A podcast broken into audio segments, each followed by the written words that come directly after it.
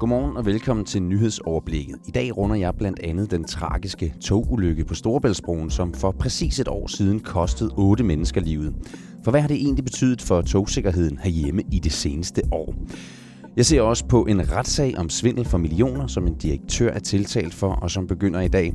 Først får du dog et overblik over de seneste nyheder. Det er den 2. januar, og mit navn er Joachim Neshave.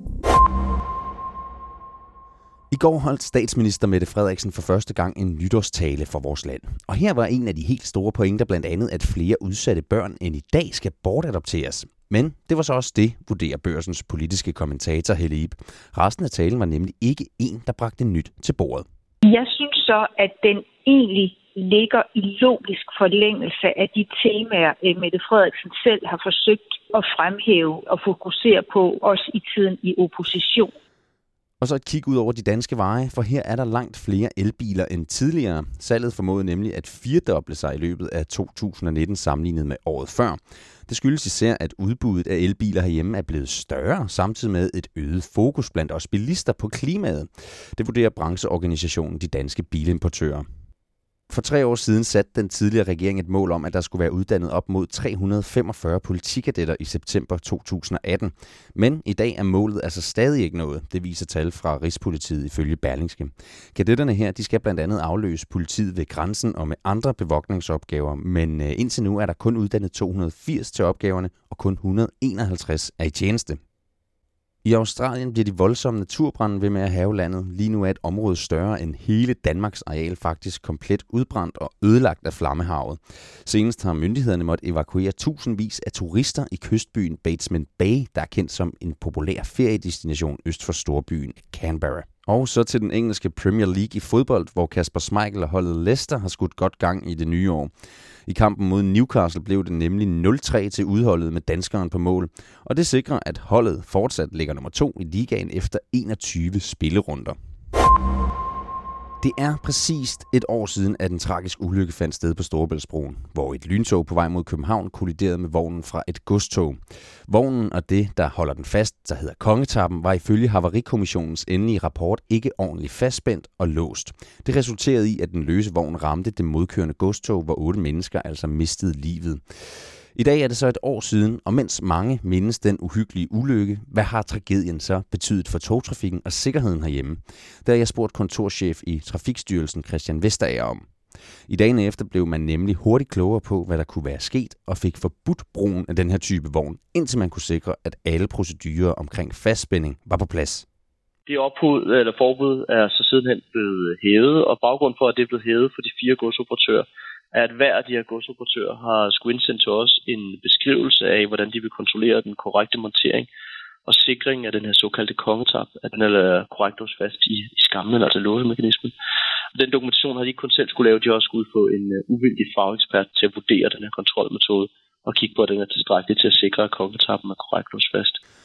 Udover det, så er der nu kommet nye regler for, hvor hurtigt godstog må køre, når de krydser Storebæltsbroen, fortæller Christian Vesterager. Og det gælder især ved kuling og storm, som altså var en af de udløsende faktorer for ulykken. Så skal hastigheden for godstransport med vindfølsomme køretøjer nedsættes til 80 km i timen. Ved stormende kuling 20 meter sekundet, så skal øh, der forbydes godstransport med vindfølsomme køretøjer. Og hvis storm på 25 meter i sekundet, så skal der ske et egentligt forbud.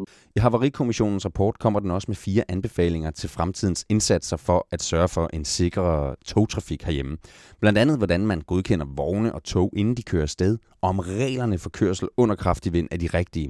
Det er blandt andet DB Cargo, DSB, Bane Danmark og det europæiske jernbaneagentur, der skal være med til at overholde kontrollen her, lyder det. Og til spørgsmålet om, hvordan sikkerheden ser ud her i 2020 og i den kommende fremtid, svarer Christian Vesterager. Der er generelt et højt sikkerhedsniveau på jernbanen. Som opfølgning på Storbæltsulykken, så er der kommet nogle øh, konkrete tiltag, blandt andet de her øh, tiltag i forhold til vindrestriktioner på Storbæltsbroen, de her tiltag i forhold til øh, ekstra kontrolforanstaltninger i godsvirksomhederne for, når de øh, benytter sig af de her låsemekanismer. Men det er vigtigt, at vi gør alt, hvad vi kan for at lære ulykken. Det skete både dagene efter ulykken, og nu er der så en ny mulighed til at sige, hvad er det så, vi skal have fokus på i det nye år også. Det er også dagen, hvor retssagen mod en kvindelig direktør indledes kl. 9.30. Hun er tiltalt for at have hvidvasket 166 millioner kroner gennem adskillige selskaber og banker herhjemme. Den 46-årige kvinde er litauisk statsborger og kræves ifølge anklageskriftet udvist af Danmark. Lovovertrædelserne skal være begået i ledtog med kvindens søn og en anden mand, der også er tiltalt. Ifølge bagmandspolitiet har man brugt en ny hvidvaskbestemmelse, som har gjort det muligt at skærpe efterforskningen, som så har ført til de her sigtelser. I alt er der afsat 10 retsdage til sagen. På Amalienborg begynder dronning Margrethe og kronprinsparet dagen kl. 9.50 med at tage imod højesteretsdommer og den kongelige livgardes og Gardehusarregimentets officerkorps. Det finder sted i Christian den 7. palæ, hvor der skal være nytårskur. Straks herefter må både dronningen og kronprinsparet så videre til Christiansborg Slot, hvor kongehuset også holder en nytårskur kl. 11.30. Denne gang for diplomater i form af missionschefer og deres ægtefæller. Traditionen har stået på i flere hundrede år, hvor landets spidser hilser på hendes majestæt og ønsker hinanden godt nytår. I går var det politikerne, øverste embedsmænd og hoffets ledelse, der besøgte, og i morgen er det indbudte repræsentanter fra blandt andet større organisationer herhjemme. I dag bliver det tørt og mest skyde over det meste af landet. Temperaturen den lægger sig mellem 3 og 8 grader med jævn til hård vind fra sydvest. Du har lyttet til nyhedsoverblikket. Mit navn er Joachim Neshave.